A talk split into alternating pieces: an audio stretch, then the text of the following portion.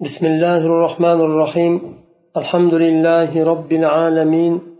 والصلاة والسلام على سيد المرسلين محمد وعلى آله وأصحابه أجمعين. اللهم علمنا ما ينفعنا وانفعنا بما علمتنا وزدنا علما يا عليم.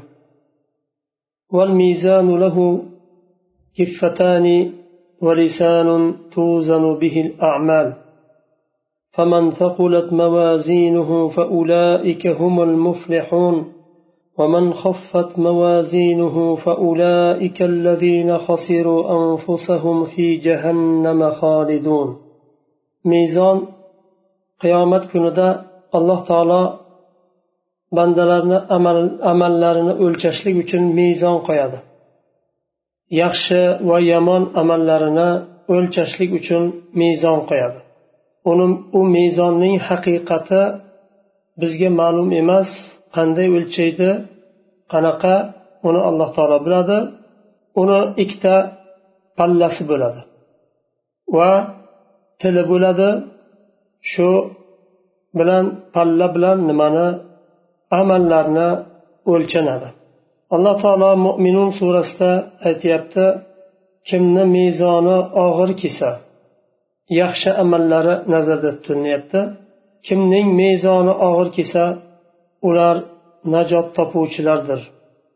Kimni mezoni yengil kelsa yaxshi amallari yengil kelsa ana ular o'zlariga o'zlari hasorat qilgan va jahannamda abadiy qoladiganlardir dedilar dedi alloh taolo.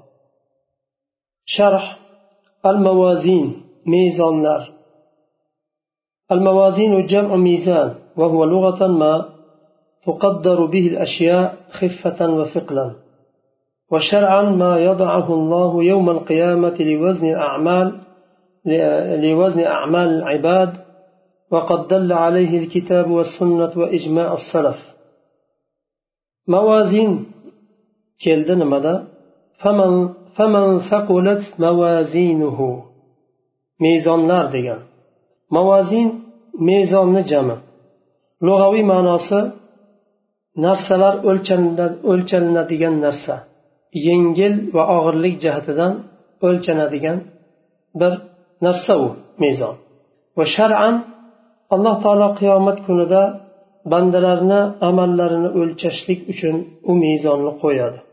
Va bu mezonni haq ekaniga kitob qur'oni karim sunnat va salaflarning ijmosi dalolat qiladi alloh taolo yuqorida oyat o'tdi kimni mezoni og'ir kelsa ular najot topuvchilardir kimni mezoni yengil kelsa ular o'zlariga hasorat qilgan va jahannamda abadiy qoladiganlardir dedi alloh taolo boshqa oyatda ambiyo surasida ونضع الموازين القسط ليوم القيامة فلا تظلم نفس شيئا وإن كان مثقال حبة من خردل أتينا بها وكفى بنا حاسبين قيامت كندا adolat mezonini o'rnatamiz va biror bir nafs zulmlanmaydi alloh taolo qiyomat kunida adolat mezonini o'rnatadi amallarni o'lchash uchun biror bir inson u yerda zulm ko'rmaydi Ya'ni zulm ko'rmaydi deyishdan murod biror bir kichkina yaxshi amali qoldirilmaydi chetda hammasi qo'yiladi agar misqola habbatin tarix kabi urug' kabi kichkina bir amal bo'lsa ham alloh taolo aytyapti uni biz ketiramiz mezonga qo'yamiz deyapti. Hisob qilishga biz kifoyamiz deyapti alloh taolo. وقال النبي صلى الله عليه وسلم كلمتان حبيبتان إلى الرحمن خفيفتان على اللسان ثقيلتان في الميزان. سبحان الله وبحمده سبحان الله العظيم. متفق عليه بوغان حديث. رسول الله صلى الله عليه وسلم hadisda aytdilar ikki kalima bor bu ikki kalima rahmonga mahbub yaxshi ko'rilgan kalimadir. Va tilda yengil aytishlik uni. Va mezonda qiyomat kuni og'ir. Bu ikki kalima subhanallohi va bihamdihi. Birinchisi bo'lsa subhanallohil azim ikkinchisi. Va salaf solih buni mezonni sobit bo'lgan narsa ekaniga ijmo qilishdi. وهو ميزان ميزان حقيقي. له كفتان لحديث عبد الله بن عمرو بن العاص عن النبي صلى الله عليه وسلم في صاحب البطاقة. قال فتوضع السجلات في كفة والبطاقة في كفة. الحديث رواه الترمذي وابن ماجه. قال الألباني إسناده صحيح. bu mezon haqiqiy mezondir majoz hech qanday nima aralashmaydi bu yerda. Tavil mezon bu haqiqiydir. Uni ikkita pallasi bor. Abdulloh ibn amr ibn os roziyallohu anhu rasululloh sollallohu alayhi vasallamdan rivoyat qiladilar. Sohibil bitoqa. Bitoqa sohibi. Ba'zi o'rinda hadisil bitoqa deb keladi. Mo'minga betoqa beriladi qiyomat kunida. U betoqada ashhadu an la ilaha illalloh va ashhadu anna muhammadan abduhu va rasuluhu deb yozilgan bo'ladi. Amallarni hammasini tarozini bir kitoblarini hammasini tarozini bir pallasiga qo'yib turib ikkinchi pallasiga shu betoqani qo'yganda shahodat yozilgan. Shahodat yozilgan bitoqa bosib ketadi. Og'ir bo'ladi.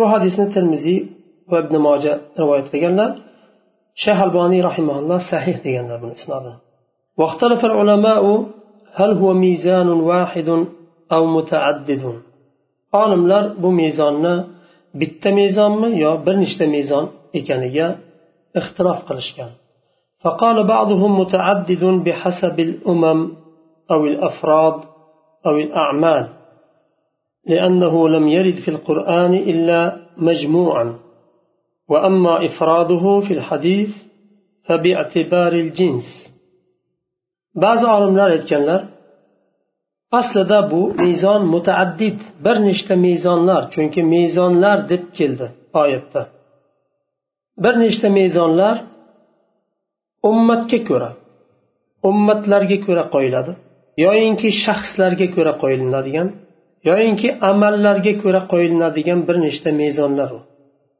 Chunki qur'oni karimda jam holatida keldi mavazin mezonlar deb keldi. Ammo hadisda mufrat holida keldi mezan deb. Bu jinsning e'tibori bilan. Ya'ni mezon jinsini e'tibori. Masalan odam deganda hamma odamni jinsi kirib kiradi. Hamma odam shu odam degan jinsni ichiga kiradi.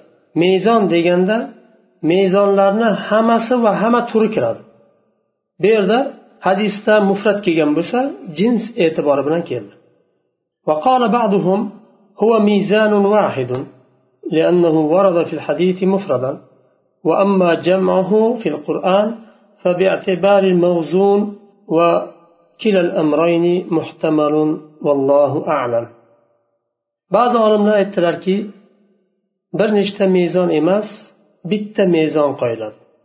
Chunki hadisda mufrat keldi. Ammo qur'onda jam kelishi o'lchanadigan narsalarni e'tibori bilan jam keldi. Amallar va shunga o'xshagan nimalarni o'lchanadigan narsalarni e'tibori bilan keldi. Ikkala holat ham ehtimoli bo'lishi mumkin. Vallohu alam deyaptilar. والذي يوزن العمل لظاهر الآية السابقة والحديث بعدها وقيل صحائف صحائف العمل لحديث صاحب البطاقة وقيل العامل نفسه لحديث أبي هريرة رضي الله عنه أن النبي صلى الله عليه وسلم قال إنه ليأتي الرجل العظيم السمين يوم القيامة لا يزن عند الله جناح بعوضة وقال اقرأوا فلا نقيم لهم يوم القيامة وزنا oyatni zohiriga ko'ra yuqorida o'tgan oyatni va shu oyatdan keyin kelgan hadisni zohiriga ko'ra amal o'lchanadi va bir qovulda amalning sahifalari o'lchanadi betoqa hadisi o'tgan edik va boshqa qovulda amal qiluvchi o'lchanadi abu hurayra roziyallohu anhuni hadislariga ko'ra amal qiluvchi ya'ni insonni o'zi. Yaxshi amal qilgan yomon amal qilgan insonni o'zi o'lchanadi. Bir qovulda. Rasululloh sollallohu alayhi vasallam aytadilar qiyomat kunida katta semiz odam keltiriladi allohni nazarida nazdida u pashshani yo qanot kattadek ham og'irga vaznga ega bo'lmaydi deydilar. Va aytdilar o'qinglar deb oyatni o'qidilar. Biz ular uchun qiyomatda mezonni ham qo'yib o'tirmaymiz. Amallarni ularni o'lchab ham o'tirilmaydi. Arzimaydi o'lchashga. Vazni yo'q. Ya'ni yaxshi amallari yo'q bo'lgandan keyin nimasi o'lchanadi.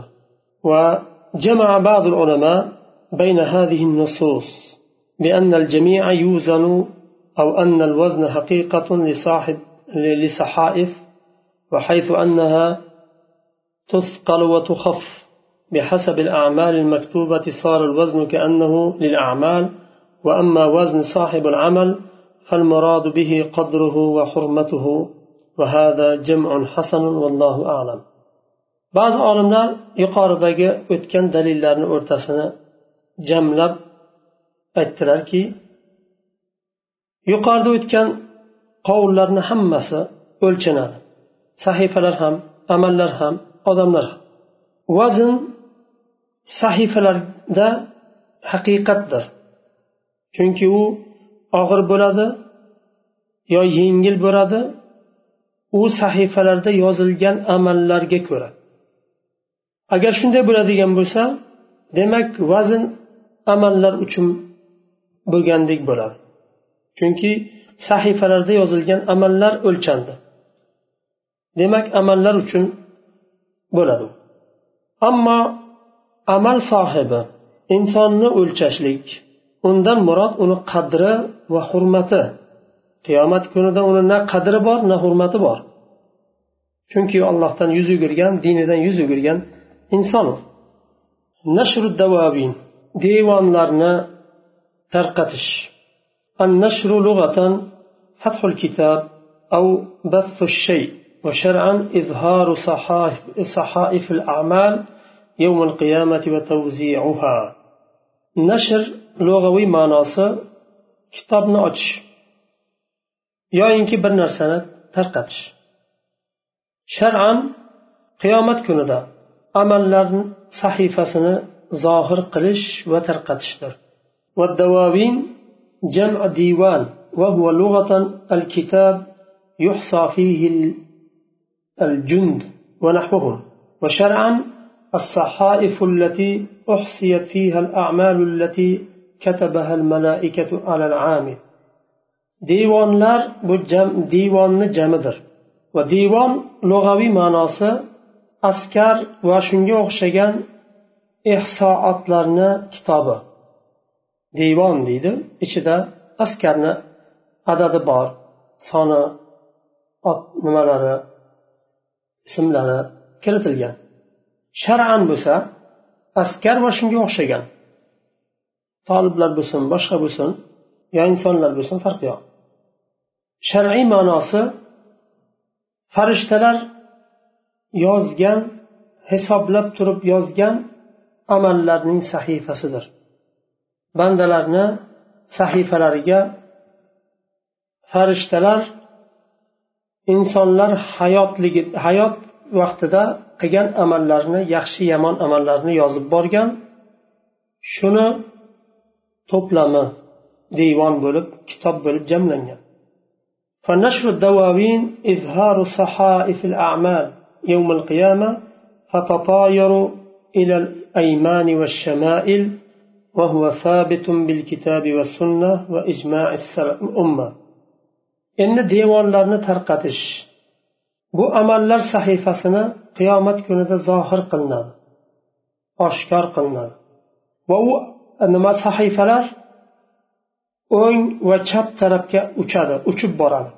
insonlarga borib yo o'ng tarafidan keladi yo chap tarafidan keladi yo orqa tarafidan keladi bu qur'on sunnat va ijmo bilan sobit bo'lgan dalildir alloh taolo qur'onda aytyapti وأما من أوتي كتابه بيمينه فسوف يحاسب حسابا يسيرا وينقلب إلى أهله مسرورا وأما من أوتي كتابه وراء ظهره فسوف يدعو ثبورا ويصلى سعيرا kimni kitobi o'ng tarafdan berilsa uni hisobi yengil bo'ladi va ahliga xursand bo'lgan holda qaytadi ammo kimni kitobi orqa tarafidan berilsa u o'ziga o'zi o'lim so'raydi subur u o'lim va jahannamga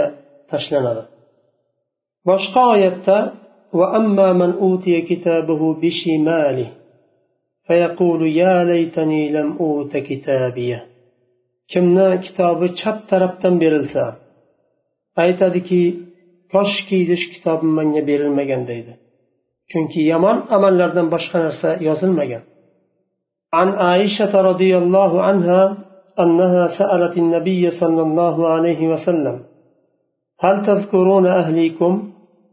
قال أما في ثلاثة مواطن فلا يذكر أحد أحدا عند الميزان حتى يعلم أيخف ميزانه أم يثقل وعند تطاير الصحف حتى يعلم أين يقع كتابه في يمينه أم في شماله أم وراء ظهره.